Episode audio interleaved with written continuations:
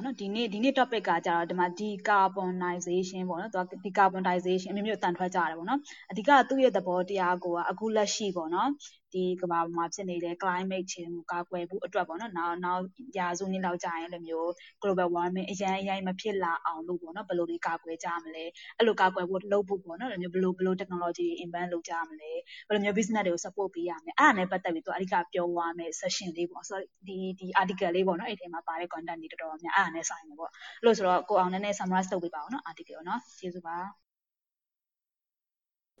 ဟုတ်ကဲ့ပါခင်ဗျအားလုံးပဲမင်္ဂလာပါဒီနေ့ article လေးကဟိုနည်းနည်းတော့ရှည်တယ်ပေါ့နော်အဲ့တော့ရသလောက်တော့ဟို summarize လုပ်ပြီးသွားပါမယ်ခင်ဗျ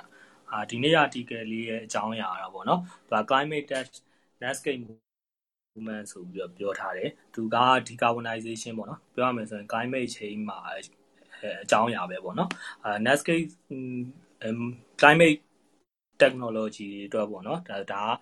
တော်တော်များများမှာသူမှာ fundraising တွေလုပ်လာတဲ့အချိန်ပေါ့နော်ဒီအချိန်မှာအဲသူကအဲ့အကြောင်းဆွေးနွေးထားတယ်။များသောအားဖြင့်ဒီထဲမှာပြောထားတာကတော့ဟိုဘယ် fan ကတော့ဘယ်လောက်သူအဲ့အတွက် fundraising ဘယ်လောက်လုပ်တယ်ပေါ့နော်အဲ့ဒါကြီးပြောထားတယ်။သူက climate နဲ့ပတ်သက်ပြီးတော့သူက innovation တွေပို့ပြီးတော့ဖြစ်လာဖြစ်လာခြင်းကြတာပေါ့နော် government sector တွေရောတခြား sector တွေရောပေါ့နော် innovation တွေဖြစ်လာဖြစ်လာစေခြင်းတယ်ပေါ့နော်ဒီ climate test နဲ့ပတ်သက်ပြီးတော့အဲ့တော့သူက innovation ဖြစ်လာတဲ့အချိန်မှာလည်းသူတို့က clean technology ပုံစံမျိုးကိုပို့ပြီးတော့လိုချင်တယ်ပေါ့နော်ဟိုဒီ carbon တွေကြောင့်ကျွန်တော်တို့ကဘာကြီးကတော်တော်ထိခိုက်ထားတယ်ဆိုတော့ပေါ့နော်အဲနောက်ပိုင်းမှာဒီလိုမျိုးကဘာကြီးကိုမထိခိုက်တဲ့ technology ပုံစံမျိုးတွေကိုဟိုလိုလာကြတယ်ပေါ့နော်အဲ့တော့သူတို့ကဟိုဒီဟာ fundraising လုပ်တဲ့ movement လားပေါ့နော်အဲ့လိုမျိုးပြောကြတယ်အဲဒီထဲမှာဆိုလို့ရှိရင်သူကအာ ပြောထားတာပေါ့နော်အဲ့မှာ invest လုပ်တဲ့ဟာတွေက billionaire တွေ billion နဲ့ချီပြီးတော့ invest လုပ်ကြတယ်ပေါ့နော်သူပထမဆုံးပြောထားတာဆိုလို့ရှိရင် impossible food ဆိုတဲ့အဲ့ဒီ company ပေါ့နော်သူက impossible food ကကြတော့ဘာတွေလုပ်လဲဆိုတော့သူကအာဟိုဟိုလူကမွန် alternative protein ပေါ့နော်ပြောရမယ်ဆိုရင်ဒီအသားတွေကိုပေါ့နော်ဟိုလူလုတ်တဲ့အသားလူဖန်တီးထားထား တဲ့အသားတွေပေါ့နော်ဒီအဲကျွန်တော်တို့မွေးမြူအေးရထုတ်တဲ့အသားတွေမဟုတ်တော့ပဲပေါ့နော်ပေါ့အဲ့ဒီနေရာထုတ်တဲ့ဟာတွေဆိုလို့ရှိရင်ဟိုသူကမီသိန်း gas တွေထွက်တာတွေတခြားကာဗွန်တွေထွက်တော့ဟောဒီကျွန်တော်တို့ကဘာကြီးကိုထိခိုက်တယ်ပေါ့နော်အဲ့ဒီဟာကြတော့သူက plant base နဲ့ဟို meat တွေထုတ်တယ်ပေါ့နော်အဲ့ဒါမျိုးတွေထုတ်တယ်နောက်တစ်ခါနောက်တစ်ခုဆိုလို့ရှိရင် quantum scale ဆိုပြီးတော့သူကပြောထားတယ်အဲ့ဒီမှာကကြတော့သူကကြတော့ battery တွေကို supply လုပ်တဲ့ဟာပေါ့နော်အဲ့ဒါမျိုးဆိုလို့ရှိရင်သူကအဲ့ company ဆိုလို့ရှိရင်သူက green dash ကိုပို့ပြီးတော့အာအလေးပေးတယ်ပေါ့နော်အဲသူတို့အတွက်ဟိုဟို right timing ပေါ့နော်ဒီအချိန်ဟာဖြစ်နေတယ်ပေါ့နောက်ပေးတန်းနေမှာဆိုလို့ရှိရင်လည်းဒီ climate change နဲ့ပတ်သက်ပြီးတော့ technology ပေးတန်းနေပို့ပြီးတော့ဟောထွက်ပေါ်လာတယ်ပေါ့နော်အဓိကကတော့ battery တွေနောက် hydrogen နဲ့ပတ်သက်တဲ့ဟာတွေ smart grid ပေါ့နော် smart အဲနောက် carbon capture တွေပေါ့အဲ့ဟာတွေနဲ့ပတ်သက်ပြီးတော့ဟောပေးတန်းနေဆိုလို့ရှိရင်ပို့ပြီးတော့ပေးတန်းဆိုတာကတော့ဒီကိုယ့်ရဲ့ formula တွေပါတွေပေါ့နော်အဓိကကတော့အဲ့လိုဝင်ဟာတွေကိုသူကမှတ်ပုံတင်လာကြတယ်ပေါ့အဲအဲ့ဒါမျိုးတွေတွေ့ရတယ်နောက်တစ်ခါပြီးတော့သူကမနှစ်ကဆိုလို့ရှိရင်ပေါ့နော်အာဒီဒီ green tech ထဲကိုပေါ့နော် energy နဲ့ပတ်သက်ပြီးတော့ဆိုလို့ရှိရင်အဲ500 billion လောက်ထိဟိုစီးဝင်လာတာမျိုးတွေရတယ်အဓိကကတော့ဒီ carbonizing ပေါ့နော်သူတို့ကကာဗွန်ကိုရှော့ချဖို့အတွက်ကိုအလေးပေးပြီးတော့လုပ်ထားတာမျိုးတွေအဲ့တော့နောက်ပြီးတော့သူကဟို investment တွေမှာရှိရပေါ့နော် venture capitalist ဆိုတာကじゃသူတို့ကအာဒီ ကုမ္ပဏီအသစ်တွေစတဲ့ဟာတွေမှာသူတို့ကရင်းနှီးမြှုပ်နှံတဲ့ဟာတွေပေါ့နော်အဲ့ဒီဟာတွေမှာဆိုလို့ရှိရင်လည်းသူတို့ကဒီ climate test တွေကိုသူတို့ကပို့ပြီးတော့အဲရင်းနှီးမြှုပ်နှံတာတွေကဟိုအရင် decade တွေနဲ့စလို့ရှိရင်ပို့ပြီးတော့များလာတယ်ပေါ့နော်အာအဲ့တော့ဒီဟာကပေါ့နော် financially sustainable ဖြစ်မလားဆိုတော့ပေါ့နော်အရင်မှာဒီ ဒီ company အသစ်တွေရဲ့ technology အသစ်တွေကိုကျွန်တော်တို့ invest လုပ်ပြီဆိုလို့ရှိရင် risk ကတော့ရှိမှာပါเนาะသူကအောင်မြင်မှာမအောင်မြင်ဘူးဆိုတာတော့ပြောလို့မရဘူးပေါ့အဲ့တော့ဟိုရှုံဆုံးရှုံးသွားတာမျိုးတွေလည်းရှိနိုင်တယ်ပေါ့ဒါပေမဲ့အခုနောက်ပိုင်းမှာဒီ clean test ပေါ့เนาะဒီ green test တို့ clean test တို့ဟာတွေ startup တွေမှာပို့ပြီးတော့ invest လုပ်လာတာတွေအဲတွေ့ရတယ်ဒီသူပြောတဲ့ data အရဆိုရင်2006ကနေ2017မှာဆိုလို့ရှိရင်25 billion ပေါ့เนาะအဲအဲ့လောက်ထိအဲ ဆုံးရှုံးသွားတာရှိပေမဲ့လည်းပေါ့နောက်ပိုင်းမှာပို့ပြီးတော့အဲ့လိုမျိုးဒီအေးမအောင်မြင်ခဲ့ဘူးပေါ့နော်မအောင်မြင်ခဲ့တဲ့ဟာတွေလည်းရှိခဲ့တယ်ဒါပေမဲ့အခုနောက်ပိုင်းမှာပြန်ပြီးတော့ဘယ်လိုအောင်ရှိခဲ့လဲဆိုရင်အရင် indicate တွေပါရဆိုလို့ရှိရင်သူတို့အဲ့ဒီ venture capitalist တွေရဲ့ fund တွေမှာဆိုရင်သူတို့အစည်းအဝေးခေါ်တယ်ပေါ့နော်ဘုတ် BOD အစည်းအဝေးတွေပါခေါ်တဲ့အချိန်မှာဒီ climate မှာရင်းနှီးမြှုပ်နှံမယ်လို့ပြောလို့ရှိရင်အကုန်လုံးအစည်းအဝေး run တွေရပါထွက်သွားကြရပေါ့နော်အခုနောက်ပိုင်းမှာကျတော့အဲ့လိုမျိုးမဟုတ်ဘဲနဲ့ဒီဟာကိုအသားပေးပြီးတော့ပေါ့နော်အကုန်လုံးလွတ်လာတယ်ခုနပြောခဲ့တဲ့ impossible food လိုဟာမျိုးတွေနောက် Tesla ပေါ့နော် Tesla ဆိုရင်လည်းပြောထားတယ်သူရဲ့ electric ကားတွေမှာဆိုလို့ရှိရင်သူကဒီ technology ဘာအောင်ပေါ့နော်ဒီဒီကဘာကြီးကို fossil fuel တွေမသုံးဘဲနဲ့ပေါ့နော်ဒီ carbon ကို short ချပြီးတော့အာသုံးမဲ့ဟာမျိုးတွေသုံးလာတယ်နောက်တစ်ခါ S&P Global Clean Tech Index ဆိုလို့ရှိရင်လည်း40%လောက်အရှင်နှစ်ကအရှင်3နှစ်အတွင်းမှာပေါ့နော်အဲ့လိုမျိုးတက်လာတာကြီးပြောထားတယ်ဗျာအဲနောက်တစ်ခါ အဓိကတော့ သူက venture capitalist တွေ နောက်ပိုင်းနေမှာ ပြောထားတာပေါ့နော် invest လုပ်တဲ့ data တွေကိုပေါ့အဲအဲ့ထဲမှာကျွန်တော်ဟိုဒီထဲမှာမှတ်ထားသလောက်ပေါ့ပြောရမယ်ပေါ့နော်ဒီ energy catalyst တွေမှာလည်းသူက energy catalyst ဆိုတာကကြတော့ big gate ထောင်ထားတဲ့ van တစ်ခုပေါ့နော်သူပြောထားတာအရဆိုလို့ရှိရင်အဲ့မှာ government ကလည်းသူတို့ကိုအားပေးတယ်ပေါ့နော်အားပေး government ကလည်းရင်းနှီးမြှုပ်နှံတယ်သူတို့ကလည်းရင်းနှီးမြှုပ်နှံတယ်သူတို့ရဲ့အဓိကကပေါ့နော်ဟောသူကအာ technology ဟို technology ကိုဖွံ့ဖြိုးလာဖို့ပဲဒါပေမဲ့အဲ့ technology က sustainable ဖြစ်ကြမယ်ပေါ့နော်အဓိကသူတို့ရင်းနှီးမြှုပ်နှံတာတွေဆိုလို့ရှိရင် aviation fuel တွေပေါ့နော်ဒီ lean sea တွေနောက် green hydrogen ဖြစ်ရမယ့်ဟာတွေနောက် direct air capture တို့နောက် long term energy storage ပေါ့နော်အဲဒီဒီကကားတွေဘာတွေမှာဆိုလို့ရှိရင်လည်းတခြား energy ကိုပို့ပြီးတော့ storage လုပ်လို့ရအောင်အဲ့လိုမျိုး technology အသစ်တွေဖြစ်လာအောင်သူတို့ကအာ boost လုပ်ပေးနေတယ်ပေါ့နော်နောက်ဒါ အမေရိကန်မှာပဲလားဆိုတော့မဟုတ်ဘူးယူရိုမှာဆိုလို့ရှင်လဲအဲ့လိုမျိုးမှာအာလုတ်တဲ့ဟာတွေကတော့အများကြီးပဲပေါ့နော်သူရဲ့ data အရဆိုရင်တော့235မီလီယံလောက်ပေါ့နော်အဲ့ဒါကိုသူတို့ကယင်းနှိမ့်မြုံနှံတယ်အာဒီမှာဆိုလို့ရှင်သူတို့ကဒီဟိုနိုင်ငံ government တွေကပဲ support လုပ်တာမဟုတ်ဘူးပေါ့နော်တခြားအာတခြား family တွေရှိတာပေါ့နော်အရန်ကဘာပေါ်မှာချမ်းသာတဲ့ family တွေကလည်းပဲအဲ့လို charity တွေထောင်ထားတဲ့ဟာတွေဆိုလို့ရှိရင်သူတို့ကအဲ့ဒီမှာလည်းနောက်ပိုင်းရင်းနှီးမြှုပ်နှံလာကြပြီပေါ့နော် อืมနောက်ပြီးတော့ဘယ်သူတွေပါပါလဲဆိုရင် Apple ရဲ့ဟို Steve Jobs ရဲ့ဟိုမိမှာပေါ့နော် Lauren Powell ဟိုဆိုလို့ရှိရင်သူလည်းအဲ့ဒီလိုဟာမျိုးမှာဒီရင်းနှီးမြှုပ်နှံလာတာမျိုးတွေတွေ့ရတယ်ပေါ့နော်အာနောက်တစ်ခါ JP Morgan Chase တို့ဘာလို့ဆိုလို့ရှိရင်လည်းဒီ American ရဲ့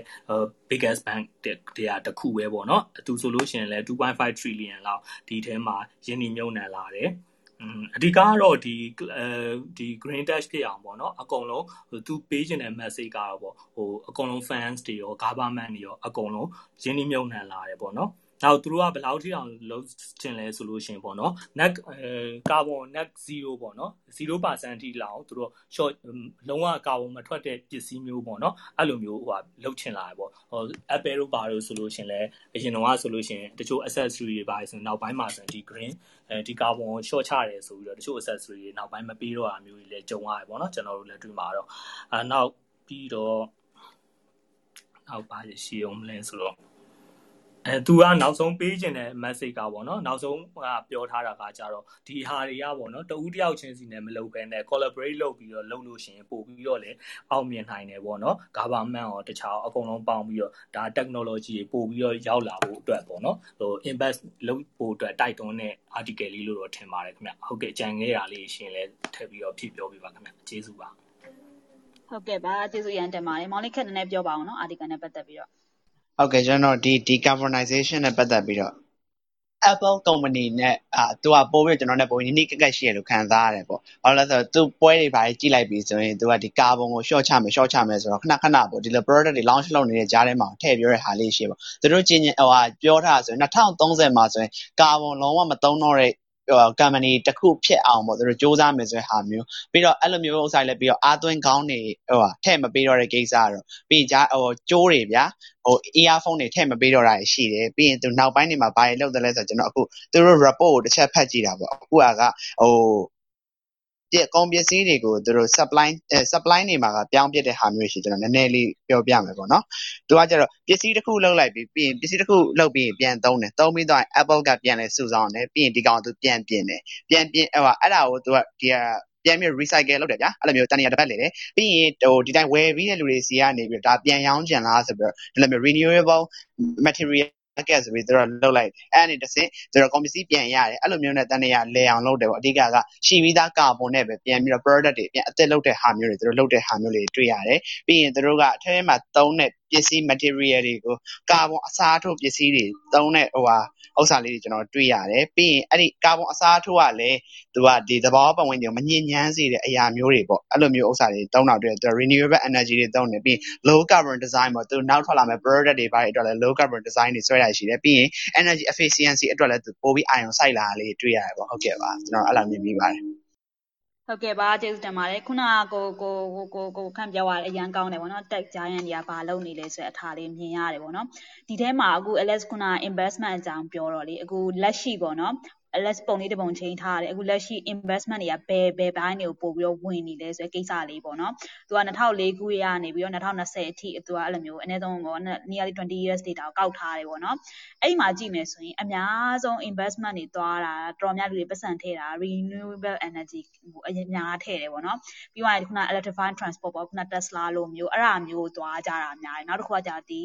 ဒီသူ electrify heat လို့သူပြောရတဲ့ဟာဆိုတော့လေအကြမ်းကြည့်မယ်ဆိုရင်တော်တော်များလူတွေတော်တော်များဒီ renew renewable energy ကိုပို့ပြီး attention ပေးလာတယ်ပေါ့နော်ဒီ2020ကိုကြည့်မယ်ဆိုရင်ဒီမှာဆိုရင်သူ billion အောင်ပေးထားတယ်900 billion 500 billion မှာဆိုရင်3 300လောက်ကသူကဒီ renewable energy ဘက်ကိုပို့ပြီးတော့အားဆိုင်ပတ်စံတွေဝင်လာဆိုတော့လေသူ့ဘက်ကပို့ပြီး innovation ပိုများမဲ့အထာရှိတယ်ပေါ့နော်ပြီးတော့ပြီးတော့နောက်နောက်100ကျော်ကျော်လောက်ကသူကအဲ့လိုမျိုးဒီ transportation ဘက်ကိုသွားတာဆိုတော့လေအဲ့ဒါလေးကို lesson နဲ့ထည့်ပြောချင်တယ်ပေါ့နော်ဒီဒီသူဒီဒီ graph ကပဲရလဲဆို article မှာပါတဲ့ graph လေးပေါ့နော် အဲ့လိုမျိုးဆိုတော့မတ်ရွှေနည်းနည်းပြောပါအောင်နော်ဒီ article နဲ့ပတ်သက်ပြီးတော့ပြောလို့ရရင်ပြောပါလို့ဟု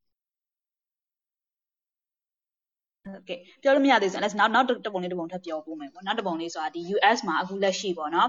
ခုနကတော့ဒါ global data status ကိုသူကပြထားတယ်ပေါ့နော်အခုက as နောက်တစ်ပုံပြန်ပြောင်းတဲ့ပုံကကြတာသူကအခုလက်ရှိပေါ့နော် US မှာဆိုရင်ဘယ်လိုမျိုးဒီ climate နဲ့ပတ်သက်တဲ့ technology တွေကဘယ်မှာရောက်ဘယ်မှာ invest လုပ်တာများကြတယ်ပေါ့နော် US တို့ China တို့ကကျွန်တော် world leader တွေဆိုတော့လေသူတို့သူတို့သူတို့တွေရဲ့ investment ကလည်းကြည့်လို့ရတယ်ပေါ့နော်သူတို့ဘယ်ဘယ်ဘက်ဘက် sector အသားပေးနေတယ်ဆိုတာမျိုးပေါ့နော်ဒီမှာဆိုရင် LS ပုံလေးပြန်ချိန်ထားတယ်ပေါ့နော်ချိန်ထားတဲ့ပုံပြန်ကြည့်ကြည့်မယ်ဆိုရင်ဒီမှာဆိုရင်သူကဒီမှာဆိုသူကတော့ business deal သူတို့ခေါ်တယ်ပေါ့နော် business နဲ့ပတ်သက်တာဘယ်လိုဘယ်လိုလုပ်ခဲ့လဲပါလဲအထူးသဖြင့်ဒီ clean clean technology ပေါ့နော် clean technology ဆိုတာခုန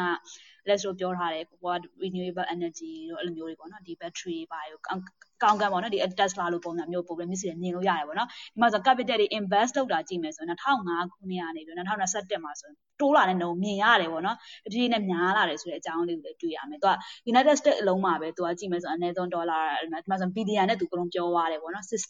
60ဘီလီယံလောက်နည်းနည်းပေါ့နော်2021မှာဆိုအဲ့လောက်ထိတောင်တက်လာတယ်အရင်တော့ဆိုရင် less than 10ကနေပြီးတော့တစ်ချက်တက်လာ60ထိတောင်ဆိုတော်တော်လေး investment တွေတော်တော်လေးအိပ်ပဲအသားပေးတာကိုလည်းတွေ့ရတယ်ပေါ့နော်ဒါကနောက် graph တစ်ခုကိုသူကပြထားတဲ့ဟာလေးအဲ့တော့ဆိုအဲ့ဒါနောက်တစ်ခုလည်းထပ်ပြီးတော့ပုံပြောင်းပြီးသွားမယ်ပေါ့နော်ဘယ်ဘယ်အခု US data ကိုပဲသူကကြော်ပြထားတဲ့ပုံစံမျိုးလေးပေါ့နော်ခုနကကျတော့သူက US မှာဘယ် sector တွေကို investment အများကြီးဝင်သွားလဲဆိုတဲ့အကြောင်းပြောရတယ်အခုနောက်ပုံတစ်ပုံ LS ချိန်မဲ့ပုံကကျတော့သူဘာကိုပြောလဲဆိုတော့အခု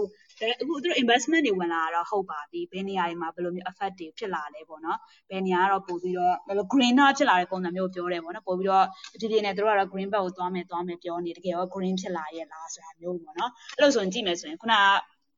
မောင်လေးခန့်ပြောသွားတဲ့ဒီ technology ကလည်းတို့ကလည်းဒီ green bag ကိုပို့ပြီးတော့အသားအသားပေးတဲ့ပုံစံမျိုးတွေလည်းတွေ့ရမယ်ပေါ့နော် ls ပုံလေးချိန်လိုက်ပါပြီပို့ to refresh ပြန်လုပ်လိုက်ပါပေါ့နော်အပေါ်ကနေအောက်ကိုသာဆွဲချလိုက် ls ချိန်ထားတဲ့ပုံလေးတွေ့ရလိမ့်မယ်အမှဆိုရင်တို့ effective ဖြစ်ဆုံးကဘာလဲဆိုကြည့်မယ်ဆိုဒီ transportation နဲ့ logistic ကိစ္စပေါ့နော်ခုနဒီ Amazon ဆိုလဲသူဒီ article မှာလည်းသူကပြောသွားတယ်ပေါ့နော်သူအဲ့မှာအဲ့ဒီ green tech နဲ့ပတ်သက်တာသူ investment လုပ်တာတယ်မဟုတ်ပေါ့နော်သူကိုယ်တိုင်ကလည်းတကယ်လို့အဲ့ဒီ green tech ကအောင်မြင်သွားလို့ရှိရင်သူကိုယ်တိုင် customer customer တယောက်အနေနဲ့ဝယ်ယူပေးမယ်ပေါ့နော်အဲ့လိုပုံစံမျိုး promise တွေပေးလာတာအများကြီးရှိတယ်ပေါ့နော်ဒီ carbon neutral ဘက်ကိုပို့ပြီးတော့တက်ကြိုင်းရတဲ့အရန်အရန်အသားပေးလာတာတွေ့ရမယ်ပေါ့နော်အဲ့ဒါအဲ့ဟို transportation နဲ့ logistic ကတော့ဒါ the first one ပြီးရင်အဲ့ဒီ tech second ပေါ့နောက်တစ်ခုကဒီ agriculture နဲ့ပတ်သက်တာတွေခုနကလည်းဆို food အကြောင်းပြောသွားတာပါလေ beyond meat တို့ခုန impossible food အဲ့ဒါတွေကလည်း Amazon ဒါအစားအသောက်နဲ့ဆိုင်တဲ့ကိစ္စလေးပြောရတာဆိုတော့လေပြီးရင်နောက်တစ်ခုကဒီအဲ့ဒါတွေမဟုတ်ပေါ့နော်ဒီ industry sector မှာရှိတဲ့ဒီလိုမျိုး material တို့ chemical တို့အဲ့ဒါနဲ့ပတ်သက်ပြီးတော့တစ်ခေါက်ပြောဘူးတဲ့ထင်ပါတယ် article တစ်ခုမှာအဲ့ဒါနဲ့ပတ်သက်ပြီးတော့နည်းနည်း cover လုပ်ထားတာရှိတယ်ပေါ့နော်ဒီဟာလေးတွေကပြောမယ်ဆိုရင်အခုအခုလက်ရှိဒီ global warming ကိုတိုက်ဖြတ်ဖို့အတွက်အဲ့လိုမျိုး EU တို့ဒီ China တို့ပြီးတော့နောက်တစ်ခုကဒီ US တို့ပေါ့နော်သူတို့ဘက်ကအဲ့ဒီဘက်ကိုပို့ပြီးတော့အသားပေးပြီးသွားနေတယ်ဆိုတဲ့အကြောင်းလေးပြောသွားတယ်ပေါ့နော်ဒီထဲမှာကိုခန့်အောင်နည်းနည်းထည့်ပြောတဲ့အရှိသေးလားမရှိရင် LS ဆက်ပြောမယ် LS ပဲပြောနေ LS ပြောတာနားထောင်ရင်ဒီခေါင်းမူးသွားမှာဆိုလို့ကိုကိုခန့်နည်းနည်းထည့်ပြောချင်ဟိုအရင်ပြောကျွန်တော်ပြောပုံချင်းနေတော့ အော် okay no worries ဒီမှာဆိုရင်ခုနကလည်းကိုအောင်ပြောသွားတယ်ပေါ့နော်အခုဒီကသူကအခုလက်ရှိလက်ရှိမှာပေါ့နော်ဒီဒီ carbonization business မှာအဓိက leading လုပ်နေတာဘယ်သူတွေလဲဆိုရင်ခုနက government တွေပါမယ်ခုနက US အကြောင်းပြောသွားတယ် UK အကြောင်းပြောသွားတယ် China ကလည်းလုပ်နေတဲ့အကြောင်းလေးပြောပါတယ် ပေါ့နော်ခုနကကိုအောင်ကလည်းသူတို့ investment တွေဘယ်လောက် billion ဘယ်လောက် million သူတို့ climate နဲ့ဆိုင်တဲ့ technology ကို invest လုပ်ပါတယ်ဆိုတဲ့ဟာပြောတာဆိုတော့လေအဓိကတော့ government support ကတော့အရန်အရန်မြင်ရတယ်ပေါ့နော်ဒီမှာဆိုရင်အခု Joe Biden ကလည်းသူကလည်းဒီ climate နဲ့ပတ်သက်တဲ့ proposal တစ်ခုသူကတင်နေတဲ့ပုံစံမျိုးလေးသူ article မှာ mention လုပ်ထားတယ်ပေါ့နော်တကယ်လို့ဒီသူ့ရဲ့ဒီ proposal ကိုဒီသူတို့ရဲ့ parliament က approve ဖြစ်သွားလို့ရှိရင်ပေါ့နော်ဒါသူသူ့အနေနဲ့ဆို funding တွေအများကြီးဒီဒီ climate tax လုပ်နေတဲ့ဒီပြန် company တွေကပို့ပြီးတော့ chance ပိုများမယ်ဆိုတဲ့အကြောင်းလေးပေါ့ project ကြီးကြီးမားမားတွေလုပ်နိုင်ဖို့ chance တွေပိုများလာမယ့်အကြောင်းလေးလည်းသူကနည်းနည်း highlight လုပ်ထားတယ်ပေါ့နော် article မှာနောက်တစ်ခုကခုနကကိုကိုကလည်းပြောသွားတယ်ဒီ EU ပေါ့နော် EU ကလည်းသူကလည်းဒါ ဒီ climate change မှာဆိုသူကလည်း leading လုပ်နေတဲ့သူတယောက်ဆိုတော့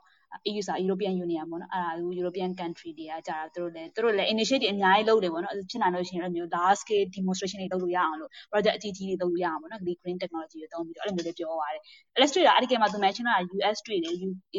EU တွေ့တယ်ပြီးတော့နောက်တစ်ခုက UK ပေါ့နော် UK ကလည်း European Union ထွက်လာတာဆိုတော့သူကသူသူသူသူကသူ method နဲ့သူလုပ်ဖို့အစီအစဉ်နဲ့ရှိတဲ့ပုံစံမျိုးတော့တွေ့ရတယ်ဒီမှာဆိုရင်သူကိုယ်တိုင်ကလည်းအဲ့လိုမျိုးဒီ300နီးနီးပေါ့နော်အဲ့လောက် billion သူက climate related technology မှာ invest လုပ်မယ်လို့လည်းသူရေးထားတယ်ပေါ့နော်အဲ့ဒီအပြင်ပေါ့နော်ပြီးရင် China ကလည်းမပါမဖြစ်ပေါ့နော် China ကလည်းသူကလည်းပြောချင်တာအဲ့လိုမျိုး smart technology ကိုသူကပို့ပြီးတော့ပို့ပြီးတော့အဲ့လိုမျိုး attention ပေးတဲ့ပုံစံမျိုးလေးရေးထားတယ်ပေါ့နော်သူက factory တွေဘာတွေအကြောင်းလည်းသူကပြောထားတယ် factory တို့ battery တို့ပြောရင် motor ပေါ့နော်အဲ့နဲ့ပတ်သက်တဲ့ factory တွေကိုသူကပို့ပြီးတော့ green ဘက်ကိုပို့ပြီးတော့ရောက်စေချင်တယ်ဆိုတဲ့ intention မျိုးပေါ့သူရေးထားတာတွေ့တယ်ပေါ့နော်ဒါကတော့ government ကိုယ်တိုင်က supporting ပေးနေတဲ့ factor ပေါ့နောက်ခုနက let's တို့ပြောသွားတယ်ကိုအောင်လည်းပြောသွားပါတယ်ဒီ charity တို့အရန်ချမ်းသာတယ် rich family investment fund သူတို့ကိုယ်တိုင်ကလည်း အဲ့ဒါနဲ့ပတ်သက်ပြီးတော့လုပ်နေရဆိုတဲ့အကြောင်းလေးပေါ့နော်ခုန Bill Gates ရဲ့မိမလုပ်နေတဲ့ဟာမျိုးတွေလည်းတွေ့ရမယ်ပေါ့နော်ပြီးတော့နောက်တစ်ခုကဒီ Bill Gates လုပ်နေတာလည်းပါမယ်ပြီးတော့နောက်တစ်ခုက Steve Jobs ရဲ့မိန်းမထင်တယ်လက်မမအောင်ဆိုရင် तू ကလည်းအဲ့လိုမျိုးလုပ်နေတဲ့တဲ့အကြောင်းလေးပေါ့နော်သူတို့ဘယ်လိုမျိုး rich people တွေကလည်းဒီ climate နဲ့ပတ်သက်တာကိုသူတို့ဘက်ကလည်း invest လုပ်နေတဲ့အထာလေးအများကြီးရှိတယ်ပေါ့နော်နောက်တစ်ခုကဒီ Wall Street Wall Street ဆိုတာတည်ရတာအဲ့လိုမျိုး JP Morgan Chase တို့ America America အဲ့လိုမျိုးပေါ့နော် America မှာအဲ့လိုမျိုး investment banking လုပ်တဲ့လူတွေတော်တော်များများကလည်းသူတို့ရဲ့ဒီသူတို့ရဲ့ portfolio လို့ခေါ်လို့ရတယ်ပေါ့နော်သူတို့ရဲ့ invest လုပ်မဲ့ portfolio ထဲမှာဒီ climate climate change နဲ့ပတ်သက်တဲ့ green technology ပေါ့နော်သူတို့ခေါ်တာဒီမှာဆိုရင် term တစ်ခုကသူတို့က ESG လို့သူတို့ခေါ်တယ်ပေါ့နော် ESG ဆိုတာဘာကိုပြောလဲဆိုတော့သူက environment E ဆိုတာ environmental ပေါ့နော် environmental ရယ်ပြီးရင် S က social ပေါ့နော်ဒီ G ကကျတော့ governance အဲ့ဒါနဲ့ဆိုင်တဲ့အဲ့လိုမျိုးဒီ fund တွေ technology တွေ innovation တွေအဲ့ဒါတွေပို့ပြီးတော့ welcome လုပ်တဲ့ investment တွေကို effect သွားပြီးတော့အဲ့လိုမျိုးသူတို့ allocate လုပ်ထားတယ်ပေါ့နော်တီးတန့်ခွဲပြီးတော့အဲ့လိုမျိုးလုပ်ထားတဲ့ဟာတွေအများကြီးရှိတယ်ပြီးတော့နောက်တစ်ခုကကျဒီ tech giant တွေ tech giant ဆိုတာခုနကအဲမောင်လေးခန့်ပြောသွားတဲ့ဒီ American sorry Amazon ပါမယ်ပြီး Microsoft ပါမယ်အဲ့လိုမျိုးလေးပေါ့နော်ဒီ article မှာလည်းသူ mention တာအများကြီးရှိတယ် Tesla ဆိုတော့ဒါပြောကြတော့မလို့ဘူးပေါ့နော်သူဆိုတာလည်းဒီဒီအဲ့ဘက်ကိုသူဦးစားပေးသွားနေတဲ့ပုံစံမျိုးလေးပေါ့နော်အဲ့လိုဆိုဒီမှာနောက်တစ် okay မောင်လေးခန့်ရင်ပြောလိုက်နောက်တစ်ပုံ change ကျင်တယ်ပေါ့နော်မောင်လေးခန့်ရင်ပြောကြရှိတာပြောပါနော်မောင်လေးနော်ဟုတ်ကျွန်တော်ခုနကတော့ကျွန်တော်ပြောနေတဲ့ company နည်းနည်းလေးဆက်ပြောမှာပေါ့သူတို့ကဒီ2018 report မှာသူကဒီ carbonization မှာ decarbonization အတွက်ကိုကသူကချင်းကပ်ပုံ၃မျိုးနဲ့လုပ်တယ်ပေါ့နံပါတ်1ကကျတော့ climate change အတွက်ကနောက်တစ်ခုကကျတော့သူတို့ဒီ resource တွေရယ်နံပါတ်3ကကျတော့ smarter chemistry ဆိုပြီးသူက approach 3ခုနဲ့ချင်းကပ်တယ်ပေါ့အဲ့ဒါမှာသူတို့ဟိုရလာတဲ့ result တွေပေါ့2018တုန်းကရလာတဲ့ result တွေပါကျွန်တော်နည်းနည်းပြောပြမယ်ပေါ့ကျွန်တော် profile တစ်ချက်ကြည့်လို့ရပါတယ်ပြီးရင်ကျွန်တော်နောက်တစ်ပုံထပ်ချင်းပေးပါမယ်သူတို့ဒီ Apple company က100ရာခိုင်နှုန်း renewable energy ကိုတော့သုံးပြီပေါ့သူရဲ့ဟိုအထက်ထဲမှာဟိုစက်ရုံလဲပတ်ဖို့အတွက်ကိုသုံးတဲ့ energy က100ရာခိုင်နှုန်း renewable ဖြစ်သွားပြီ10နှစ်တာတစုအတွင်းမှာတော့သူတို့သုံးတဲ့ကုန်ပစ္စည်းတစ်ခုချင်းစီထုတ်လုပ်ဖို့အတွက်စွမ်းရည်ပမာဏသုံးတာက80ရာခိုင်နှုန်းအထိတော့ short ချသွားပြီပေါ့ပြီးရင်ဟို carbon footprint ပေါ့20ဟို2015နဲ့ရှင်ရင် carbon footprint ဖြစ်တဲ့ရာခိုင်နှုန်းကကြတော့35ရာခိုင်နှုန်းအထိကိုသူ short ချပေးပြီးသွားပြီပေါ့ resource အနေနဲ့ကသူကချင်းကပ်လာတဲ့ပုံကိုကျွန်တော် ထပ်ချိန်ပါမယ်နော်ခဏလေးပါဟုတ်ကဲ့ပါမောင်လေးခန့်ချင်းနေကို Alex တစ်ချက်လေးပြောချင်တယ်ပေါ့နော် Alex လည်းပုံချင်းထားပါတယ်ခုနပုံတစ်ပုံထပ်ချင်းထားရပေါ့နော်အမှ အဲ့မှာအဓိကဘာနဲ့ပတ်သက်ပြီးပြောတာလဲဆိုဘယ် company တွေပေါ့နော်ဒီမှာဆိုဒါ corporate sector ပို့ပို့ရောက်တယ်ဒီမှာသူပြ PP တို့လိုမျိုးဒီက PP တို့ပါလို့ဆိုတော့ဒါလုံးဝ oil company တွေဟုတ်တယ်ဟုတ်သူတို့တွေလည်းအဲ့လိုမျိုးဒီ general electric တို့ပါသူတို့ဆိုတာတော်တော်လေး carbon polluted လုပ်တဲ့ company လို့ပြောလို့ရတယ်ပေါ့နော်သူတို့ကိုယ်တိုင်ကလည်းတဖြည်းဖြည်းနဲ့သူတို့ကဒီ energy transition လို့ခေါ်တဲ့ဒီ energy ဘက်ကိုသူကတဖြည်းဖြည်းနဲ့ပေါ့နော် green energy ကိုသုံးလာဖို့အတွက်အဲ့လိုမျိုးလုပ်နေတဲ့ initiative တွေဒါမှမဟုတ်လည်းအဲ့လိုမျိုးလုပ်နေတဲ့ fund တွေကို support ပေးတာအများကြီးလုပ်လာတယ်ပေါ့နော်ဒီဘက်မှာဆိုရင်သူကဒီမှာ billion ဘယ်လောက်နဲ့သူကဝင်ပါနေပြီလေဆိုတဲ့အထာလေးကိုမြင်ရတယ်အပေါ်ဆုံးမှာရှိနေတာ Amazon ကတော့ nearly 2 billion လောက်တော့ဝင်ပါတယ်ပြီးရင်ဒီမှာ energy impact pattern နာတို့ပြီးရင် Alliance Venture တို့ Microsoft တို့ပြီးရင်ဒီပေါ့နော်ခုနက Alex ပြောဒီ General Electric ဆိုတာဒါသိတဲ့အတိုင်းသူကိုယ်တိုင်ကလည်းဒါကားကုမ္ပဏီဟုတ်တယ်သူတို့တွေလည်းအများကြီးအများကြီး impact တွေသွားနေတယ်ဆိုတဲ့အထားလေးမြင်ရတယ်ပေါ့နော်ဒီ data တွေကပဲရလဲဆိုတော့ဒီမှာဆိုဒါ survey ကောက်တာ data တစ်ခုဖြစ်ပါလိမ့်မယ်သူက Imperial College London ကရတဲ့ data ဆိုတော့လေပြောမယ်ဆိုရင်ဒီလိုမျိုးပေါ့နော်အဲ private sector မှာရှိတဲ့ company တော်တော်များများကလည်း green investment တွေလုပ်လာသလို government ကိုယ်တိုင်ကလည်း supporting ပေးနေတယ်ဆိုတဲ့အထားလေးမှာရှိတယ်ပေါ့နော်ဒီ decarbonization business ကိုအဓိကဦးဆောင်နေရတာတော့ဒီဒီ government ရဲ့ပြီးရင်ဒီလိုမျိုးခုန private fund တွေပါမယ်ပြီးရင်ဒီလိုမျိုး tech giant တွေပါမယ်ဆိုတဲ့အကြောင်းလေးသူနည်းနည်းပြောသွားတယ်ပေါ့နော်ဟုတ်ကဲ့မောင်လေးခန့်ပြောပါနော် ဟုတ်ကျွန်တော်ခုနကတော့ပြောတဲ့ approach ဟိုတစ်ခုတော့ပြီးပါအခုကျန်တဲ့နှစ်ခုကျွန်တော်ဆက်ပြောပါမယ်ကျွန်တော်ပုံမြင်ကျွန်တော် put to refresh လုပ်ပြီးကျွန်တော် profile နဲ့တစ်ချက်ဝင်ကြည့်ပေးပါဟိုက resource ကိုကကြတော့သူကဒီလိုမျိုးပေါ့သူတို့ packaging ထုတ်တဲ့ဥစ္စာကော product တွေကောအတွက်ကို recycle material တွေပဲသုံးတော့မယ်ဆိုပြီးတော့ဟို2030မှာသူတို့အကုန်လုံးဒါတရားရခိုင်နှုန်းဖြစ်အောင်လုပ်မယ်လို့တော့ပြောတာတော့အခုကတော့နှစ်ခုကတော့တရားရခိုင်နှုန်းတော့ဖြစ်သွားပြီပေါ့ Mac MacBook Air တို့ Mac Mini တို့မှာသုံးတဲ့ aluminium အလူမီနီယံတွေကိုကြတော့သူက100ရာခိုင်နှုန်း recycle လုပ်ပြီးတဲ့ပစ္စည်းတွေပဲသုံးတော့တယ်ပြီးရင်သူကဒီကုန်ပစ္စည်းတွေကိုထုတ်ပိုးတဲ့ဥစ္စာမှာကဟောလိုမျိုးတစ်သားတွေပေါ့တစ်သား fiber လိုမျိုးနဲ့တူတဲ့ဟာမျိုးပေါ့အဲ့လိုဟာမျိုးပဲသူ100ရာခိုင်နှုန်းသုံးပြီးဟောလိုမျိုး plastic တွေပါမသုံးတော့ဘူးပေါ့အဲ့ဒါရှိတယ်ပြီးရင်14ခုပေါ့သူကထဲထဲမှာဟိုကွန်ပစ္စည်းတစ်ခုထုတ်လုပ်ဖို့အတွက်ကို renewable အမြဲ recycle ဒါမှမဟုတ် renewable ဖြစ်တဲ့ product တစ်ခုခုနဲ့ပဲသုံးတာဒါ14ခုရှိပေါ့အထက်ထဲမှာမဖြစ်မနေအစားထိုးပြီးသုံးမယ်ဟိုဟာမျိုးဖြစ်သွားတယ်ပြီး smart chemistry မှာကျတော့ဘယ်လိုမျိုးဟိုချင်းကပ်လဲဆိုရင်သူဒီကုန်ပစ္စည်းရဲ့တက်တန်းကိုပို့ပြီးတော့ဆွဲဆန့်တဲ့ဟာမျိုးရယ်သူတက်တန်းမကုန်မချင်းအသုံးပြုလို့ရအောင်ဆို approach ကိုချင်းကပ်တာပေါ့အဲ့ဒါမှဆိုရင်သူကဒီဟိုသူတို့ယုံနေပါတွေမှာကဟိုလိုမျိုးတန်ရှင်းလုပ်တဲ့ဟာတွေဘာတွေအကုန်လုံးကိုလေဒီသဘောပတ်ဝန်းကျင်ကိုမထိခိုက်တဲ့ဥစ္စာမျိုးကိုတရားခိုင်နှုန်းသုံးပြီးပြီး Apple က product တွေဖြစ်တဲ့ iPhone နဲ့ iPad တွေ Mac product တွေမှာလည်းသူကဟိုဘယ်လို chemical အားဖြင့်ပေါ့ဟိုဟာသူတို့ရှာဖွေတယ်ပြီးသဘောပေါက်ရင်မထိခိုက်တဲ့ဥစ္စာမျိုးတွေအတွက်ကိုပိုပြီး ion site တာ85ရာခိုင်နှုန်းလောက်တော့ပြီးသွားပြီဒါ2018ဆိုတော့အခုဆိုတော့ပိုပြီးတိုးတက်လာမယ်လို့ထင်တယ်ပြီးရင်သူကဟို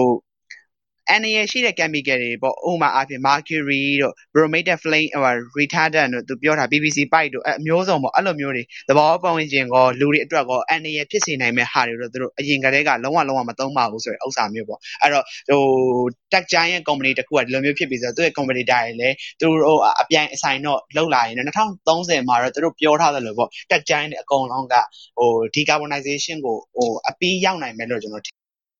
ဟုတ်ကဲ့ပါကျေးဇူးအရန်တင်ပါတယ်ပေါ့နော်အဲ့လဲဆိုလဲ information တွေအများအများကြီး throw up လုပ်နေဆိုတော့နည်းနည်းတော့နားတွေပူနေပါတော့မသိဘူးပေါ့နော် anyhow ပါအဲ့လိုဆိုတော့ဒီနေ့ကိုလဲဆိုပြန်ပြီး recap လေးပြန်ပြောချင်တယ်ပေါ့နော်အဓိကကတော့ဒီ business ရဲ့ဘယ်သူပါလဲပါလဲအဲ့ဒါကိုပဲအသေးစိတ်ပြောနေတာအဓိကကိုယ့်အနောက်ထဲမှာကြံခဲ့မှာဒီ government တွေပါလုပ်နေတဲ့ကိစ္စတွေပြီးရင်ဒီ private sector လုပ်နေပါအဲ့လိုမျိုးအများကြီးပေါ့နော် company အများစုကလည်းတိုင်ကိုလုပ်နေကြပြီဆိုတဲ့အကြောင်းပေါ့နော်အဲ့ဒါလေးကိုပဲအနောက်ထဲကြံခဲ့စီပါတယ်အရန် information အရန်များသွားရင်လေအဲ့လိုဆိုတော့ထုံးစံအတိုင်းဒီ audience တွေအဲ့လိုဆိုအပေါ်တက်လာဖို့ခေါ်တယ်ပေါ့နော်ဒီလိုကိုယ့်ဘက်က ကိုယ့်ဘက်ကအဲ့လိုမျိုး share ချင်တာပဲဖြစ်ဖြစ်ဒါမှမဟုတ်လဲကိုယ့်အမြင်ဖလှယ်ချင်တာပဲဖြစ်ဖြစ်ဒါမှမဟုတ်လဲအဲ့ဆိုမေးမေးချင်တာမျိုးပေါ်တက်လာကိုဖိတ်ခေါ်ပါတယ်ပေါ့နော်ဒီအဲ့ဆိုလဲ expert တော့မဟုတ်ဒါပေမဲ့ကိုယ့်ဘက်ကတက်နိုင်တဲ့လောက် answering လုပ်ပြီးသွားမှာပဲမာရရှင်နဲ့ထောက်ပြလို့ရတယ်ပေါ့နော်အားလုံးအပေါ်တက်လာကိုဖိတ်ခေါ်ပါတယ်ဒီနေ့ကထထူးဆန်း Alex လူနဲ့တွေ့တယ် Alex ဒီနေ့ recording ယူမယ်လို့ပြောလို့များလားပေါ့နော်နည်းနည်းလေး interest ဖြစ်သွားတယ်စိတ်ထဲမှာပေါ့နော်နောက်နေ့ကျရင် recording မယူတော့ဘူးလို့လို့အောင်ပါပဲအနေရပါကျေးဇူးတင်အဓိကကတော့ဒီဒီလိုမျိုး climate တွေပါကြီးဆိုတာလေဘယ်လိုပြောရမလဲ ကိုရီးယား awareness ရှိတဲ့တယ်လို့ Alex လည်းမြင်တယ်ပေါ့နော် Alex ကမြန်မာနိုင်ငံဆိုပေမဲ့လည်းဒီဟာတခုဖြစ်ပြီး global warming ဖြစ်လာရင်ဘာဖြစ်လဲညာဖြစ်လဲစခန်းမှာကိုရီလည်းပါတယ်ပေါ့နော်အဲ့လိုဆိုကိုရီဘက်ကရောဘာတွေလုပ်လို့ရမလဲအဲ့ဒါမျိုးတွေလည်းအများကြီးစဉ်းစားဖို့လိုတယ်လို့မြင်တယ်ပေါ့နော်အခု rich country တွေဖြစ်တဲ့ UK တို့ US တို့ EU တို့ China တော့လုပ်နေတယ်ဆိုတော့လေအဲကိုနိုင်ငံတော့လည်းအဲ့လိုမျိုးတစ်ခုမှတစ်ခုပေါ့နော်အဓိကဘာမှမလုပ်နိုင်အောင်မှကို awareness ရှိစေတာရှိလာစေချင်တာမျိုးလုပ်စေချင်တဲ့ပုံစံမျိုးဆိုတော့လေအနည်းဆုံးပေါ့ဒီ climate change နဲ့ပတ်သက်တာတွေနည်းနည်း observe လုပ်ပါပေါ့နော်ဒီ information တွေ့ရင်လည်းအဲ့လိုမျိုးကိုယ်နဲ့မဆိုင်ဘူးဆိုရင်မနေပါနဲ့ပေါ့နော်ဘာဖြစ်ဆိုတော့ဒီဟာဒီ planet တစ်ခုတွေမှာကိုရီးယားအသက်ရှင်နေရတာလေဒီ planet မှာတစ်ခုဖြစ်နေကိုရီလည်းပါတယ်ကိုမြန်မာအရင်အရင်တစ်ခေါက်ကလည်းဆိုဖတ်ခဲ့တဲ့ article အရဆိုရင်တကယ်လို့ဒါ global warming က3 degree လောက် 1.2 to 1.3ပေါ့အဲ့လောက်ဝင်လာခန်းမှာမြန်မာနိုင်ငံဆိုထိတ်ဆုံးကပါနေတဲ့ပုံစံမျိုးလေးတွေအများကြီးဖြစ်တယ်ပေါ့နော်ဟိုတလောဆိုရင်ဒီရေကြီးတဲ့ကိစ္စကိုလည်းအရင်သိရတယ် climate change ဖြစ်ပြီးတော့ဒီမော်လမြိုင်တွေဘာလို့မှဆိုရေတကုံကြီးတယ်ပေါ့နော်တခါမှမဖြစ်ဘူးတဲ့ဟာတွေအခုရာစုနေမှာတွေ့ရတဲ့ဟာမျိုးတွေပေါ့နော်ဒီဟာကြီးကလည်းဘာကြောင့်ဖြစ်လဲဘယ်လိုတွေဖြစ်လဲသူများတွေရောဘယ်လိုလုပ်လဲကိုကိုနိုင်ငံရောဘာတွေလုပ်နိုင်မလဲအဲ့ဒါမျိုးကြတော့အနည်းဆုံးကိုယ့်စီမှာ answer မရှိအောင်မှပေါ့နော် question လေးထုတ်ဖို့ အုံနောက်တွေရောက်စေချင်တယ်ပေါ့နော်အဲ့ဒါမျိုးလေးတွေက okay သူများတွေတော့ဒီမှာအခုဒီ technology နဲ့ပတ်သက်တဲ့ဒီ company tech tech giant တွေကဒီလိုမျိုးဒီမျိုးလုပ်နေရပေါ့နော်ငါတို့အနေနဲ့ကြာရင်ရောဘယ်လိုမျိုးတွေလုပ်လို့ရမလဲကို environment ပေါ့နော်ကိုကဘယ်လိုမျိုးဂယူဆိုင်လို့ရမလဲအဲ့ဒါမျိုးတွေပေါ့နော်အများကြီးရှိပါတယ် individual နဲ့ပတ်သက်ပြီးတော့ဟိုဒီနေ့အမောင်လေးခံပြောပါတယ်အခုမြန်မာနိုင်ငံမှာဆိုလုပ်နေတဲ့ project အမောင်လေးအေးပါလေဒီနဲ့ပတ်သက်တဲ့ကိစ္စလေးအမောင်လေးတစ်ချက်အဲ့ဒါလေးပြန်ပြီးတော့ share ပေးလို့ရလားဒီ clean air ကိုလေးလုပ်နေတယ် air quality ရန်ကုန်ဆိုတာကျတော့ဒီဘယ်လိုလဲမြန်မာနိုင်ငံမှာကလေထုထဲမှာဘယ်လောက်ထိတန့်စင်မှုရှိလဲပေါ့အဓိကအားဖြင့်ဟိုသူက AQI လာပါလားမသိအဲ့ဒီ page တော့ရှိတယ်တကယ်လို့သိချင်တော့ကျွန်တော် back channel လာတောင်းလို့ရတယ်ပေါ့အဲ့ဒီဥစ္စာကသူကဒီလေကတော့အသက်ကြီးရလို့တော့မသိတော့ဘူးဘာလို့ဖြစ်လဲဆိုတော့အမိုက်တွေမီးရှို့လို့ဆိုတဲ့ဥစ္စာမျိုးဒီလို factor တွေပြောတယ်ပြီးရင်ဒီမျိုးမြေဩစာတွေပေါ့ဟို သေဘက်6ကနေပြီးတော့ဘိုကာရှင်မီရောစာဆိုပြီးထုတ်ရောင်းတဲ့ဟာမျိုးလေးတွေရှိပေါ့အဓိကသူတို့ကသဘောပေါက်ရင်ထိမ့်သိမ်းကာကွယ်ဒီတွေရှိပေါ့ပြီးရင်တကယ်လို့ကိုယ့်အနေနဲ့ကဒီ carbonization ဆိုတဲ့စကားလုံးကြီးအရန်ကြီးကြဲကြီးဖြစ်နေတယ်ဆိုရင်ကြတော့ဗျာအဲ့လိုမျိုးဖုန်းအသစ်တွေကိုဟိုမလိုအပ်ဖက်နဲ့ဝယ်မဲ့အစားပေါ့ဥပမာ second hand တွေပဲဝယ်ပြီးတော့ဒီတက်တန်းတစ်ခုပေါ့ကွန်ပျူတာတစ်ခုရဲ့တက်တန်းတစ်ခုကိုကိုကနေပြီးဆွဲဆန့်ပေးတဲ့ဟာမျိုးနေနဲ့လေဒါကူပေးလို့ရတယ်ပေါ့ကိုကတစ်ဖက်တစ်လမ်းနေကူပေးလို့ရတယ်ဆိုတဲ့ဟာမျိုးလေးတွေရှိပါတယ်လို့အဲ့ဒါကြောင့်မလို့ဒီဒီ carbonization တို့ဘာလို့ကကိုနဲ့မဆိုင်ဘူးလို့သဘောမထားပါနဲ့ဟုတ်ကဲ့ပါကျေးဇူးရမ်းတင်ပါတယ်ခုနအဲ့လဲဆိုနောက်တစ်ခုမမရမမိတာဒီ Electro မြန်မာမှာဆိုရင်ဖြစ်လေဖြစ်ထားကြည့်ရဲ့အဲ့လိုမျိုး happy လေးတကူလားမသိဘူးဘောနော်ဟိုတစ်ခါတော့ session မှာလဲ star လိုက်တာအမြိုက်တွေကိုမနဲ့စောစီမီးရှို့တဲ့ကိစ္စအဲ့ဒါလေးနဲ့ပတ်သက်ပြီးတော့ခက်နေနေပြောပါအဲ့မမရအဲ့ဒါလေးအုံနောက်လေးပေါ်လာ ဟုတ်အဲ့ဒီလိုအမိုက်တွေမနက်စောစောစီးမီးရှို့လို့ဆိုပြီးအဲ့ဒီ2020လား21လားမသိဘူးအဲ့ဒီအစောပိုင်းလေးပေါ့ဒီ February တော့မဟုတ်ဘူးအစောပိုင်းလေးမှာတော့ campaign လုပ်သေးတယ်ဘာလို့လဲဆိုတော့ရန်ကုန်မြို့တစ်မြို့လုံးနီးပါပေါ့စောင်းရည်မှာပေါ်ပြီးများတယ်ပေါ့လို့အမိုက်မီးရှို့တဲ့ကိစ္စတွေနဲ့လူတွေကမနက်နိုးလာတာနဲ့ဟိုဗျာဒီမီးကုန်းငွေနဲ့ရှူရတယ်အဲ့ဒီအချိန်မှာလေတူးကလုံးဝမတန့်စင်ဘူးပေါ့အဲ့ဒီအချိန်မှာတော်တော်လဲလုံးဝနှစ်ရက်နီးပါးလောက်အနီရောင်တွေဖြစ်နေပေါ့အဲ့အမိုက်မီးရှို့ရတယ်မလုပ်ပါနဲ့မလုပ်ပါနဲ့ဆိုပြီးတော့ celebrity တွေရောလူတွေရောအကုန်လုံးထအော်လို့သာအဲ့ဒီကနေတဖြည်းအနီရောင်းနဲ့အဝိုင်းအဆင့်လောက်ပြန်ကျသွားပေါ့ဒါဟိုပြီးလဲပြီးတော့မိုးရွာလိုက်လို့သာသိန်းအောင်တစ်ရက်နှစ်ရက်လောက်ဖြစ်သွားတယ်ပေါ့အဲ့ဒါလေးကျွန်တော်သတိ ခဲ့ပါ ဒါအဲ့လိုဆိုမြန်မာနိုင်ငံမှာလည်း လုပ်နေတဲ့အကြောင်းလေး lesson နဲ့ highlight လုပ်ခြင်းလို့ပေါ့နော် အဲ့လို project တွေလည်း လုပ်ခဲ့တယ် လုပ်လဲလုပ်နေတဲ့ဟာမျိုးတွေ အများကြီးရှိရပေါ့နော် ပြီးတော့ မြန်မာနိုင်ငံဘက်မှာကျတော့ နောက်တစ်ခုကဒီ deforestation နဲ့ ပတ်သက်ပြီးတစ်တော်တွေ မခုတ်တဲ့ကိစ္စတွေလည်း အများကြီးလုပ်နေတာလည်း အဲ့လိုမျိုး အရန်အရန်ကြားရတယ်ပေါ့နော် အခုကကျတော့ ဒီဒီဒီ article မှာသူအဓိက highlight လုပ်ထားတာဖြစ်နိုင်လို့ရှိရင် အဲ့လိုမျိုး ဒီ green technology ကို ပို့ပြီးတော့ ဦးစားပေးတဲ့ပုံစံမျိုးလေးပေါ့နော် investment တွေ အဲ့တဲကို ပို့ပြီးတော့ သွားအောင်လို့ အဲ့လိုမျိုး တကယ် rich country တွေအဲ့လိုမျိုး လုပ်နေပါတယ်ဆို awareness တွေအဲ့လောက်သိရင်တော့ more than enough လို့ ထင်တယ်ပေါ့နော် ဒီနေ့က မိနစ်30လေး ရှိနေပြီဆိုတော့ Alice audience တွေကိုချန့်ပေးခြင်းတယ်ပေါ့နော်အပေါ်တက်လာဖို့အားလုံး invite လုပ်ပါတယ်ကို့အမြင်သူ့အမြင်လားဖလှယ်ကြပေါ့နော် Alice ကိုယ်တိုင်ကလည်းသူများရဲ့ဇီယာပို့ပြီးတော့လေ့လာခြင်းပါတယ်ပေါ့နော်အဲ့လိုဆိုတော့အပေါ်တက်လာဖို့အားလုံးဖိတ်ခေါ်ပါတယ်လို့ဟုတ်ကဲ့ကိုကူသားထူး share ပါအောင်နော်အာဟုတ်ကဲ့ခုနဟိုဟာ air quality အကြောင်းလေးပြောလို့ကျွန်တော်စိတ်ဝင်စားသွားတာဟုတ်ဆိုတော့ကျွန်တော်ခုနပြောလို့ပဲအပြင်ထွက်မဲ့ဆိုရင်ကျွန်တော်ရာသီဥတုတွေမကောက်ဘောနော်ကျွန်တော်လေတုကိုပါကျွန်တော်အခုကပြောမယ်ဆိုရင် ဟို hazard တဲ့ပေါ့နော်ဟိုအယောင်လေးတွေစီပေါ့နော်ခုနကကိုကိုခန့်ပြောသွားသလိုပဲဒီလေကဟိုဘယ်ဘယ်လူဘယ်လိုလူတွေကဟိုအတွက်ကိုအနေရများနေပြီပေါ့နော်မဆူရှိုက်တင်ဘူးပေါ့နော်ဒီလေကတော့ဒီအုပ်စုကိုဟိုဟိုပါပေါ့နော်အန်ဒီရပြုတ်နေပြီဆိုတော့အဲ့ဒါလေးကြီးကကျွန်တော်တို့ဟိုနောက်ပိုင်းမှာအကြောင်းလေးမှလည်းကျွန်တော်အာကလေးလေးကိုပေါ့နော်အေးအာဆိုင်ရဲ့အကြောင်းလေးတွေတဲမှဆိုထည့်ပြီးတော့ပြောတယ်သူတို့ကြောင့် ဒီဟာတွေကတိတ်မရင်းနှီးလေကျွန်တော်တို့အကြောင်းလေးတချို့မှဆိုရင်နောက်ပြီးတော့ကျွန်တော်အမြင်ပေါ့နော်လို့ဒီကျွန်တော်တို့ time bed ဒီမှာကြောက်လေတချို့တက်တူဒီမှာဆိုရင်သူတို့ promote လုပ်တဲ့အဲ့တစ်ပင် site တာလေအာကျွန်တော်ဟိုဆိုမဖြစ်မနေပေါ့နော်အဲ့လိုဆိုက်ရတဲ့အဲ့လိုကျွန်တော်ထင်တယ်ဟိုဒီတပတ်ပေါ့နော်တပတ်သူတို့ဟိုတစ်ပင်ဆိုင်တဲ့အပတ်လို့သူတို့တတ်မှတ်ပေးလိုက်တယ်ပေါ့နော်ဆိုတော့တစ်ပင်အားလုံးအကြောင်းသား ဟိုအနည်းဆုံးတော့တပင်ဆိုင်ရမယ်ပေါ့နော်မဖြစ်မနေအဲ့လိုဟိုဒီ community မှာဖြစ်စေကိုယ့်ရဲ့အကြောင်း pro မှာဖြစ်စေပေါ့နော်အဲ့လိုမျိုးလေးသူတို့ promote လုပ်ပြီးရယ်နောက်ပြီးတော့ကျွန်တော်ဒီအရင်ကဖိလစ်ပင်းလားမသိဖိလစ်ပင်းမှာလည်းအဲ့လိုပဲ graduate မဖြစ်ခင်ကျွန်တော်တို့တစ်ပင်စိုက်ပြီးမှသူတို့ကအဲ့လိုမျိုးဟို requirement အနေနဲ့ပေါ့နော်ကျွန်တော်အဲ green ကိုအဲ promote လုပ်ပေးအောင်ပေါ့နော် အဲနောက်ပြီးတော့ကျွန်တော်တထဟို share လုပ်ချင်တာအဲ့ဒီပါလေ carbon footprint လားမသိကျွန်တော်လည်းအသေးစိတ်တော့မသိပါတော့အဲ့ဒီမှာကိုတနှစ်တာဟိုတော့ဒါမှမဟုတ်ကိုလက်ရှိကာလမှာကျွန်တော်ဘယ်လောက်ထိအာကိုအနေနဲ့ဒီအာဒီဘယ်လိုခေါ်မလဲဒီကျွန်တော်ဒီအာကာဗွန်တွေဘယ်လောက်ထိကိုအနေနဲ့ထုတ်လွှတ်ခဲ့တယ်ပေါ့နော်ကိုအနေနဲ့ဘယ်လို short time လဲဆိုတာကိုလည်းသူအာ ဟိုအကြံနေပေးရပေါ့နော်အဲ့ဒီ site ကျွန်တော်မြင့်နေပြီဟုတ်ကိုအနေနဲ့ဘယ်လိုမျိုးအာ short time မှာအကူညီနိုင်တယ်လေပေါ့နော်ကျွန်တော်ဥပမာဆိုကျွန်တော်အသားတွေအရင်စားတက်လူလာပေါ့နော်ကျွန်တော်ဒီအသားတွေဒီမွေးမြူရေးလုပ်ငန်းတွေအနေနဲ့ကျွန်တော် environment ကိုအာတနည်းတစ်ဖုံပေါ့နော်ကျွန်တော်ပြန်ပြီးတော့အာအဲဒုက္ခပြီးနေတာပေါ့နော်အဲ့လိုမျိုးဟုတ်ဟုတ်အဲ့ဒါပါပဲဟုတ် ကျေးဇူးအရန်တင်ပါတယ်ကိုကိုပြောရတယ်မှာလည်းအကြိုက်ဆုံး idea လို့ graduate မဖြစ်ခင်ကတို့ဒီ degree မပေးသေးတစ်ပင်အရင် site ဆိုတာလည်းသဘောအရင်ကြလုံးပါပဲအဲ့ဒီ idea လေးရန်ကောင်းတယ်ပေါ့နော်ခုနဒီဒီ global warming ကိုထိန်းဖို့ဆိုရင်တော်တော်များတစ်ပင် site ဖို့လည်းတော်တော်များ encourage လုပ်တာဆိုတော့လေအဲ့ဒါတွေလည်းအရန်ကောင်းတယ်ပေါ့နော်ဒီဟာကလည်းဘယ်လိုပြောရမလဲ အရန် innovative ဖြစ်တဲ့ approach တွေလို့ Alex မြင်တယ်ပေါ့နော်အဲ့လိုမျိုးဆိုအရန်ကောင်းပါတယ်ဒီလိုမျိုးဒီအခုကျောင်းသားတွေလိုမျိုးတပတ်တရက်တပတ်တရက်ပေါ့နော်အဲ့လိုမျိုးအသစ်ပင်စိုက်ခိုင်းတာတို့ဘာလို့ဆိုတာလဲဒါကောင်းတယ်လေဟုတ်တယ်ဟုတ်ကို carbon footprint ကို reduce လုပ်ချင်တဲ့ဟာမျိုးတွေလည်းအများကြီးရှိတယ်ပေါ့နော်အဲ့လိုဆိုအရန်ကောင်းပါတယ် ကိုအောင်ကိုအောင်နည်းနည်းပြောချင်တာရှိတာဒီနေ့နည်းတော့ဆိုတော့လေပြောပါအောင်ကိုအောင်ဟိုဟာမြန်မာနိုင်ငံမှာလည်း site တော့ site ကြပါဒါပေမဲ့ဟိုကြီးစရာတခုပြောလိုက်ဟို site ပြီးသွားလို့ရှိရင်ရေမလောင်ကြအောင်ရေမလောင်တော့အပင်တွေကတည်သွားအဲ့လိုအဲ့တော့ကိုပင် site တယ်ဆိုလို့ရှိရင်လည်းပေါ့နော်ဟိုရေလဲနောက်ပိုင်းမှာရေလဲလောင်ကြပါဟုတ်ကဲ့ပါ ကျေးဇူးရမ်းတင်ပါတယ်ရေလောင်းမမေးနေပေါ့နော်နောက်တစ်ခုကလည်းမမတ်ရလေတချို့ချို့ idea လေးကဘယ်လိုလဲဆိုအဲ့လိုမျိုးကိုကိုမွေးနေရအောင်တစ်ပင်စိုက်တာအဲ့ဒါဆိုလည်းကောင်းတယ်ပေါ့နော်ကိုကိုကြီးလာတလောက်သူတို့လည်းခီးဆိုင်အဲ့ဒါလည်း very good idea ပေါ့နော်ဒါကသူများနိုင်ငံတွေကအဲ့လိုမျိုး technology invent လုပ်ပြီးတော့လုပ်နိုင်တယ်ကိုရီးယားဘာမှမလုပ်နိုင်ဘူးဆိုရင်အတွေ့အမြင်မွေးစင်တာကြောက်တယ်လည်းဆိုပြောနေတာဖြစ်တယ်ပေါ့နော်ကိုကကိုကိုလုပ်နိုင်ရတဲ့အများကြီးရှိတယ်ဆိုတဲ့အကြောင်းလေး highlight လုပ်ချင်တာပါကိုပတ်ဝန်းကျင်မှာကိုကြည့်လိုက်မယ်ဆိုရင်အဲ့လိုမျိုးလုံးတစ်ပင်စိုက်တာဒါအနည်းဆုံးဟုတ်တယ်ဟုတ်နောက်ကဒီအသားငါးစားတာကိုလျှော့တာတော့ပေါ့အဲ့အများကြီးရှိတယ်ပေါ့နော်ဒီ carbon footprint ကို reduce လုပ်တဲ့ method တွေအများကြီးရှိ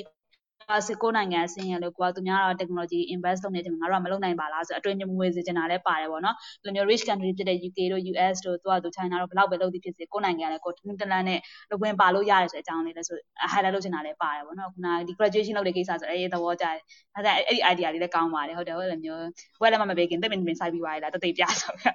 အရန်သဘောကျဟုတ်ကဲ့ပါလည်းထုံးစံတိုင်းပေါ့နော် audience တွေအပေါ်တက်လာဖို့လည်းအရန်ဖိတ်ကျင်ပါတယ်ဒီနေ့သူနည်းနည်းနဲတယ်ဆိုတော့လေဒီ moderator တော်တော်များစကားပြောလို့အဆင်မပြေဘူးဆိုတော့လေအပေါ်တက်လာပြီကိုအမြင်သူ့အမြင်ဆွေးနွေးပေးပါဒီနေ့ article ရဲ့အဓိကအကြောင်းအရာပါလဲဆိုတော့ဒီဒီ decarbonization အဓိကဥဆောင်ပြီးဘယ်သူတွေလုပ်နေလဲပေါ့နော်